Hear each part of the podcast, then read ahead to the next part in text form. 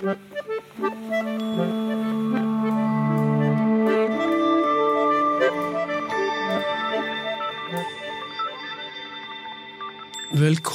til podkasten eh, Ytringsklima.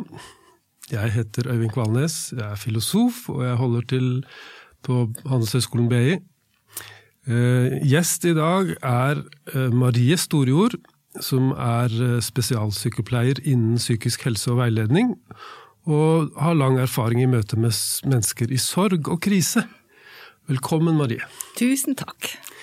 Så jeg har invitert deg til å komme og snakke fordi eh, du har mye erfaring med å snakke med folk i krise. Ja, det har jeg. Og det er en del av det som eh, vi kan støte på når vi skal ha et ytringsklima på jobb. Så mm. hvordan kan vi snakke sammen på jobb? Så jeg er nysgjerrig på å høre fra deg hvordan vi kan gå fram for å være til stede og være en støttende person for en kollega som er i krise. Så la oss si at jeg, jeg, har en kollega som nettopp har opplevd brå død i egen familie. Mm.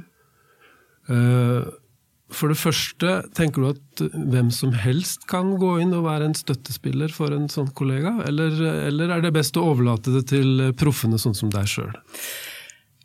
Alle kan gjøre det, eh, men hvor mye vi skal gjøre er, er Det varierer jo, for vi har kolleger kommer i alle utgaver. Eh, og noen har vi et veldig nært forhold til og deler litt privat med, mens andre er vi ikke så nærme, og det er mest et arbeidsforhold. Nettopp. Så det er jo også noe man kan tenke på når man skal møte, men det er vanskelig. Det er alltid vanskelig. Ja. Um, vite hvor mye man skal gjøre. I, eh, spesielt når man er i en arbeidssituasjon ja. og i et arbeidsmiljø, så er det flere ting som det kan være lurt å tenke på. Hva burde jeg tenke på før jeg bestemmer meg? Jeg, tenker, jeg, kanskje, jeg ser at, og vet at eh, kollegaen min har eh, opplevd brå død og har det tungt.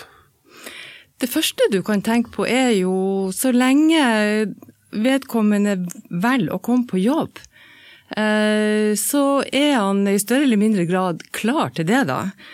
Og kanskje ønsker han å bruke den tida si på jobb til å være på jobb at det kan være ei fristund ifra alt det som er tungt og vanskelig hjemme.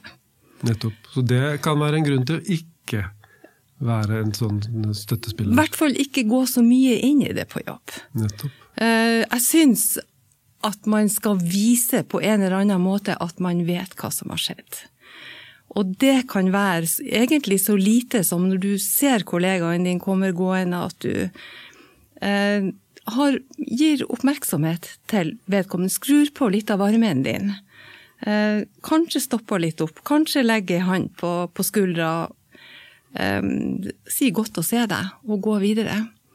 For da trenger, gå, da trenger dere ikke å gå inn på noen ting.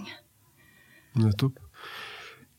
Eh, jeg har tenkt i forbindelse med at vi skulle ha denne samtalen, så jeg har mm. tenkt tilbake på ting jeg har opplevd selv. Mm. Og for la oss si 20 år siden så opplevde jeg brå død i min nærhet. Mm.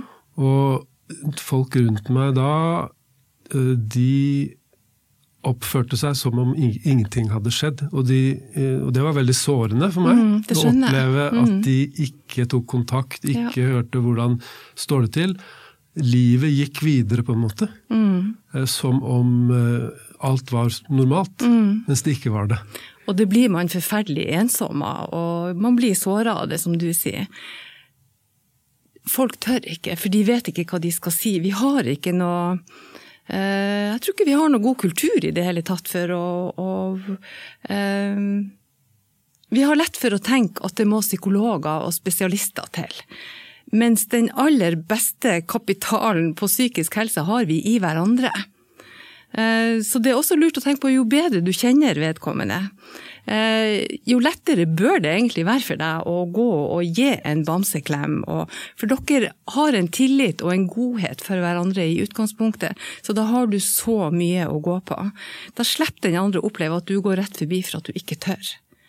Jeg kan skjønne at det er vanskelig, for vi har ikke noe opplæring i det. Vi vet ikke helt hva vi skal si og hva vi skal gjøre. Det blir utrygt når man skal eh, være hjelper for folk som har det veldig vanskelig. Og vi risikerer å si noe dumt, og vi risikerer å si noe feil. Nettopp. Og, og det er noe som jeg syns er spennende å se på i mange forskjellige sammenhenger. Da. Vi tenker at hvis jeg ikke sier noe, så gjør jeg i hvert fall ikke noe galt. Men, men det er jo feil tenkemåte. Fordi ja, det å la være å si noe kan også være feil. Ja, du kan ikke ikke kommunisere Nei. med å, å, å velge å la være å si noe.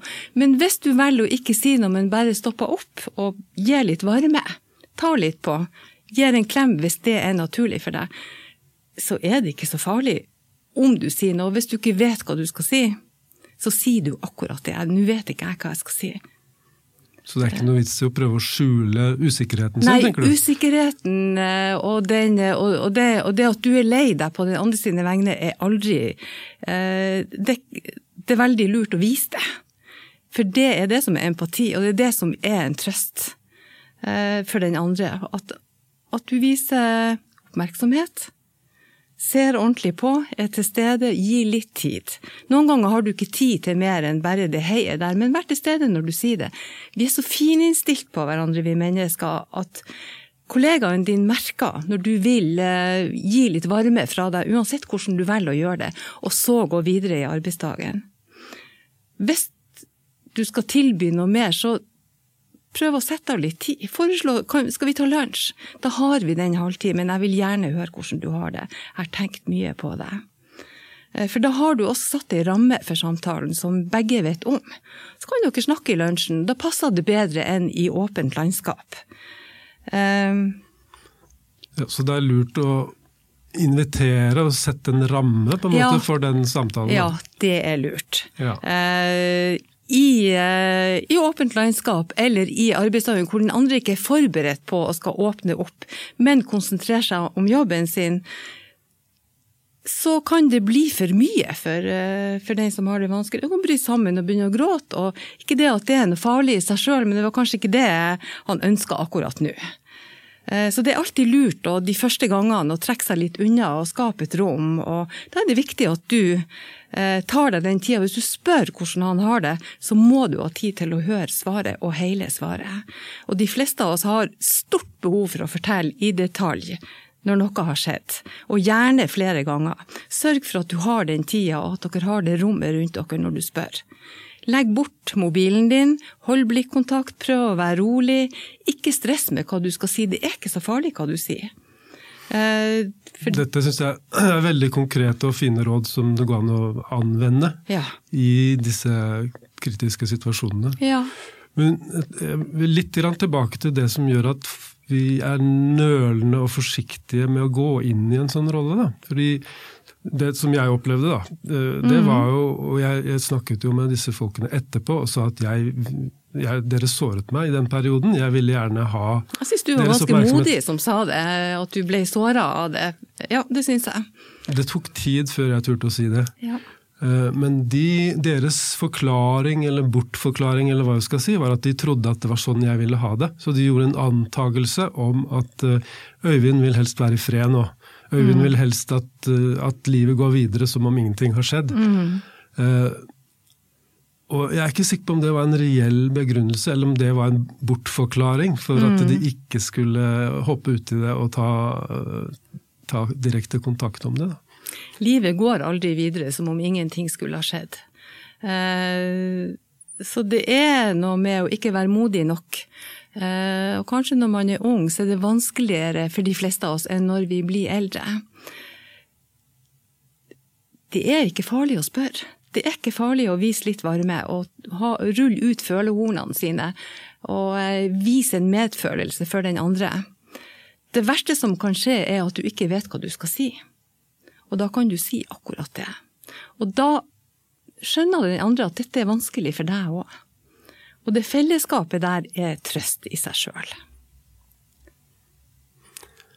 Nettopp. Eh, nei, for jeg, jeg tenker meg at uh, dette kan skje med meg uh, At jeg plutselig har en kollega som uh, mister noen brått. Ja. og jeg ønsker å være en god kollega. Mm. ønsker å være til stede for mm. den kollegaen. Men så sitter jeg da i et fellesskap, vi er kanskje 40 mennesker som er mm. kollegaer. Mm. Uh, og det jeg lurer på som kan inntreffe, er det som vi kan kalle for tilskuereffekt. Mm. At uh, vi er 40 stykker ja. som deler tynt på ansvaret for å følge opp denne personen. Mm. Og da mm. kan det fort bli at ingen av oss gjør det. Mm. Så, så, hvordan kan vi motarbeide det, tenker du? Med å uh, begynne med deg sjøl og si at jeg vil være den som prøver. Ja. og jeg vil være synlig i at jeg prøver. Og så skal du ikke prøve ute i landskap med 40 stykker. For der, da har alle en eller annen slags føler ute, for alle vet når en person som har det vanskelig, kommer inn i rommet, selv om man sitter i åpent landskap. Igjen, vi er så fininnstilt på hverandre. Eh, og det er ikke sikkert at det, den som har det vanskelig, vil fortelle det samme til alle 40 som til deg. Du kjenner han, han på din måte. Eh, prøv å tenke at du skal være den som tør å ta det ansvaret, selv om ingen andre gjør det. Så reguler det seg sjøl underveis, uh, ut ifra hvilken relasjon dere hadde i utgangspunktet. Noen ganger oppstår det veldig fine ting i sånne krisesituasjoner med den, den som prøver å hjelpe og den som har det vanskelig, og man får et nærere forhold etterpå. Uh, noen ganger fortsetter det på samme måte, men det her å ha prøvd, det at du prøver, det vil den andre alltid huske. Men tenk deg at jeg aldri har gjort det før. Da. At jeg, det skal hoppe uti noe helt ukjent. Eh, jeg har eh, kanskje opplevd eh, kollegaer som har hatt kriser før, og jeg har ikke gjort noen ting. Mm. Men denne gangen tenker mm. jeg nå, jeg nå, har jeg bygd opp mot. Mm. ja, for du person, må være modig. Ikke sant? Det mm. kreves et mot å ja, ta det, det initiativet. Mm. Så søren meg, denne gangen er det min tur. Jeg skal gjøre en innsats da sier jeg bra, Øyvind. Ja. Kjør på, vær modig. Eh, og vær raus med deg sjøl. Du har aldri gjort dette før. Og selv om du hadde gjort dette før, så er hver situasjon helt forskjellig, og folk reagerer forskjellig. Så du vet ikke hva du eh, begir deg ut på når du åpner opp for dette og skal prøve å hjelpe. Nei, for det er en, eh, å bevege seg inn i det ukjente. Ja, det er det for alle. Ja. Mm. Eh, så den modigheten og den rausheten, for når du er raus mot deg sjøl, så er du også rausere mot andre. Og da er vi inne på et godt spor, altså. Men har du eh, selv eh, opplevd noen som har eh, liksom, tatt regien selv, og, og, og, som har vært i en sånn nødsituasjon. Mm. Og som, som, tar regien selv for hvordan de vil at andre skal være tilbake. Ja, ja. jeg har uh, hatt en klok kollega for en tid tilbake som mista mannen sin veld, veldig brått hjemme uten forutgående sykdom, og var borte fra jobb ei stund. Og når hun begynte å bli klar til å komme tilbake, så sendte hun en mail til alle sine kolleger, ganske mange, eh, og fortalte oss hva som hadde skjedd, og hun fortalte oss hvordan hun hadde det, og ikke minst, hun fortalte oss at hun ville komme tilbake til jobb, og hvordan hun ønska å bli møtt. Og det tok jo et svært ansvar fra skuldrene våre, eh, eh, og gjorde det mye lettere. Og vi, eh, hun ble altså møtt med så mye varme når hun kom tilbake, og det var ikke så Folk ble mer trygge, og det er det vi trenger for å gå inn i det. Og så ble det jo ikke helt sånn som hun ønska det, men eh, for noen sto mye nærmere hun, og det ble gråt og samtaler på stillerom. Men eh, vi andre som ikke var så nært, det var greit at ikke vi tok tak i det. Men igjen, det her koble på varmen din, se på henne når hun går forbi, smil litt til henne. Eh, se henne. Det skal ikke mer til. Nettopp. Og her ligger det vel også lærdom til den som skal være så uheldig å havne i en sånn krise. Ja. At du kan faktisk ta initiativ og lage en regi for hvordan du vil ha det. I den grad du klarer å kjenne etter på hva du trenger. Når ja. du kommer litt ut av det verste kaoset, ja. så begynner du å kunne kjenne litt etter eh, hva du trenger, og kanskje, kanskje, mest hva du ikke vil ha. At det er lettere å sette ord på. Hvis du klarer å formidle det ut i arbeidsmiljøet, så får du eh, en mer forutsigbar eh, arbeidshverdag, og, får, og det er mer forutsigbart for kollegene også. Så da kan alle slappe litt mer av. Og det er da det skjer fine ting. Da er vi ikke så stressa på å gjøre det rette, og da vet vi litt om hvilken vei vi skal gå. Så det er en gave når, eh, når, noen kan si noe om det.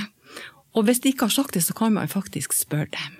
For da signaliserer man samtidig jeg er usikker, jeg vet ikke helt hva du trenger. Eh, vet du noe om det sjøl?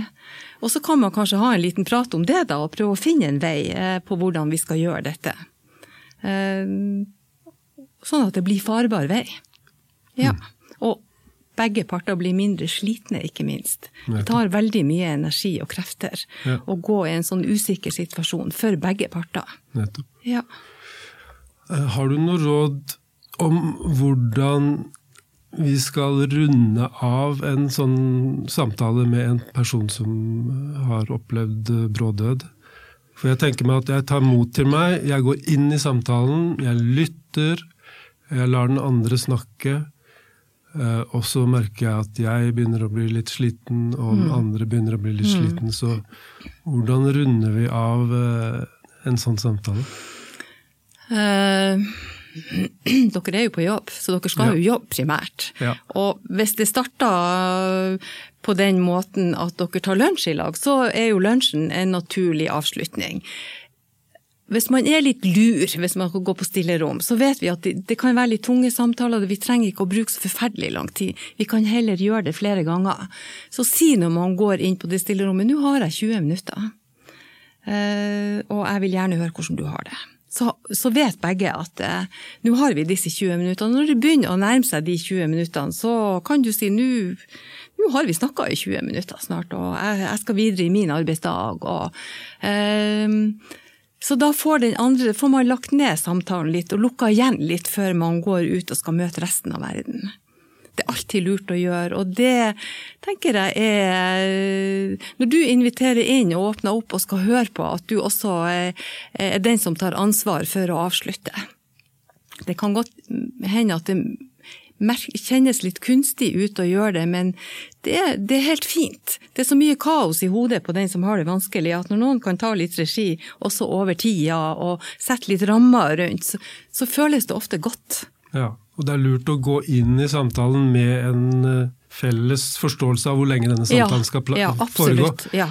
For det kan jo fort være at jeg blir fortere sliten enn den andre, f.eks. ja, ja, det kan jo også skje. Ja. Mm, og det er tunge ting som ofte Og det er tungt å skal sitte og være lytter også. Ja. Eh, og være den hjelperen og, og, og, og, eh, og være modig og, og, og gi inn og gi av varmen sin. Altså, man skal ikke holde på for lenge.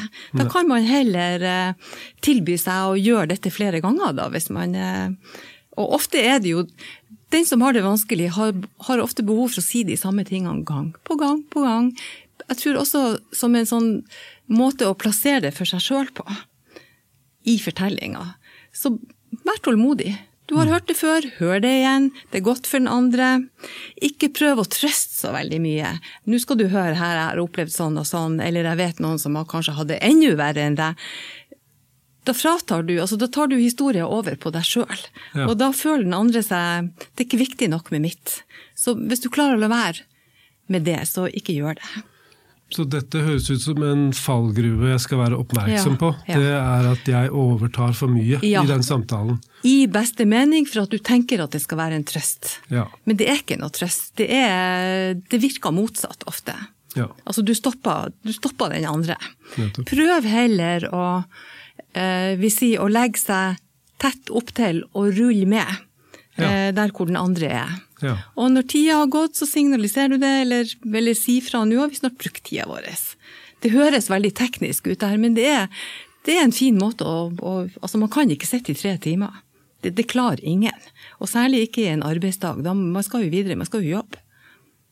Men det kan hende at noen ting ikke er blitt sagt ennå, så du kan tilby, eller jeg kan tilby at vi snakker igjen en, Hvis det er naturlig for deg, så kan Ja. du si det. Vi, jeg vil gjerne, vi kan, jo, vi kan fortsette en annen dag, eller vi kan eh, Ja. Skal vi gjøre det her igjen? Skal vi møtes? Ja. Hvis det er naturlig for deg, så kan dere jo også, altså de kollegene som er nesten blitt venner, kan man jo gå en tur, eller eh, det man vanligvis gjør. Gå ut og spise og drikke litt vin og eh, men det går an å, å begrense seg litt der og si at nå eh, kan vi ta Vi tar en runde på Jeg vil gjerne høre hvordan du har det.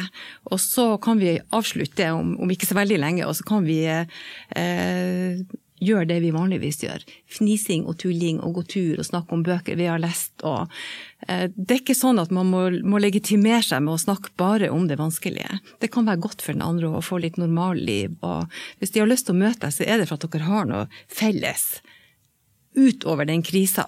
Og det kan være godt å, å holde på med det, og få litt hvile i hodet sitt for begge. Hvor mye tenker du at uh, jeg kan uh, stå på for å få den samtalen? Altså Den andre kan komme til å si til meg at uh, Øyvind, jeg har det greit, jeg trenger ikke å snakke med deg nå. Nei. Hyggelig at du inviterer, men ja. det går fint. Ja.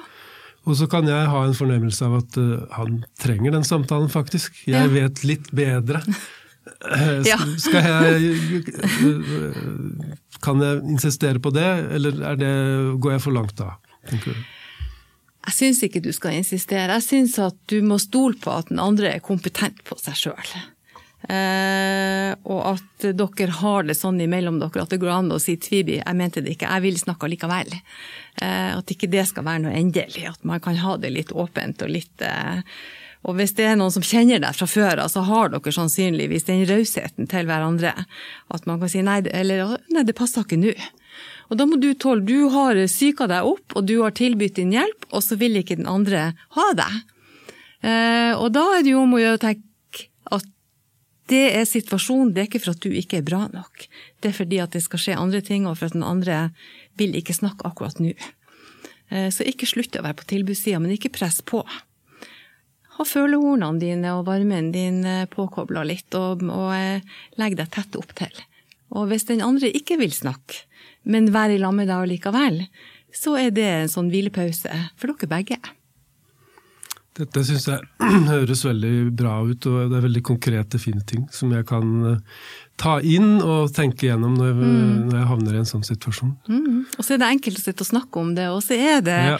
all den tvilen og, som kommer når man skal ut i det virkelige liv. Ja. Men man må være modig. Ja. Mm. Hvis vi skal oppsummere, da.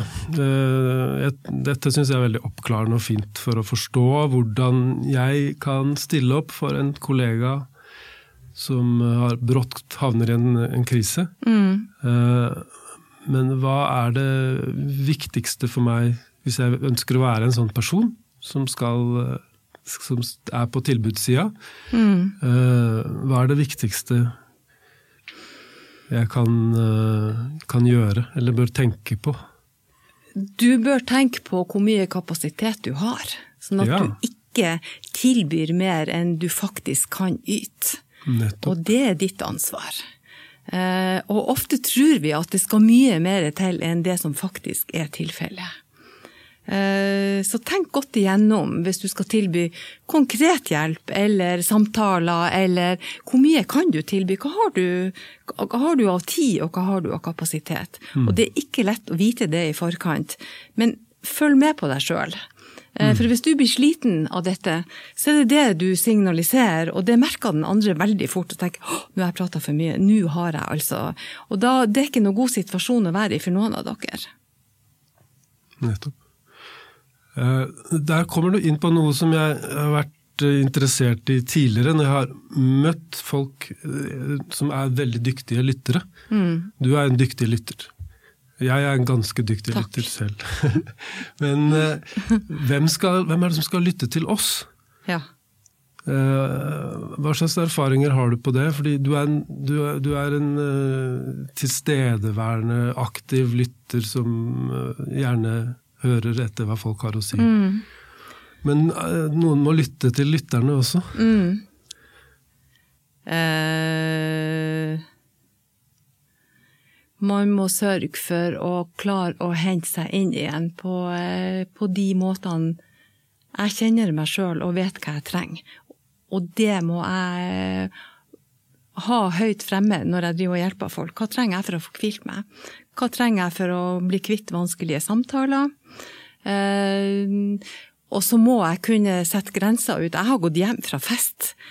For den ene etter den andre hadde altså så mye sykdom og kreft og elendighet i familien eh, når de skjønte hva jeg jobba med. Så jeg gikk hjem. Jeg syns at det ble for mye. Ja. Fordi folk på festen eller selskapet så at der sitter Marie, og Ja. hun er profesjonell Ja. lytter Ja. til folk som eh, opplever sykdom og død og elendighet. Så nå kan jeg bruke sjansen. Ja, og jeg er ikke en profesjonell eh, avslutter på det, ikke godt nok. Eh, og jeg vil heller ikke ha de samtalene når jeg har drukket vin. Eh, jeg vil også kunne være på fest og, og ikke forholde meg til eh, eh, så mye alvor. Det er veldig forståelig. Og jeg syns det er jo tankeløst av de som eh, tenker at eh, til og med på fest så vil du ha den rollen. Da. Jeg er ofte irritert på meg sjøl etterpå at jeg ikke har klarte å stoppe dem. Nettopp. Mm. Så sånn er det. det blir min skyld og ikke deres. Og da, er, da, da bare stikker jeg av derifra, så, Ja. så har det løst seg. Ja, Ja. nettopp. nettopp. Nei, jeg tenker at uh, den gode, aktive lytteren trenger omsorg og beskyttelse og uh, skal ha det Det godt helt, også. det er helt sant. Og vi, jeg kjenner jo godt eh, når det blir for mye. Ja. At jeg begynner å sove dårlig og bli urolig og ikke klarer å slappe ordentlig av. Og Mm. Da har det blitt for mye. Nettopp. Så da må jeg ha teknikker, og jeg må ta det på alvor, først og fremst det. Mm. For da er jeg, da er jeg, da er jeg oppe og går igjen etterpå, og klar til mer. Det er en veldig fin følelse, altså. Ja. Vi skal runde av der, Marie. Tusen takk for at du stilte i studio og snakket om dette. Jeg har blitt klokere i løpet av en halvtime sammen med deg i studio. Eh, tusen takk for at du var med på denne samtalen. Takk for tilliten.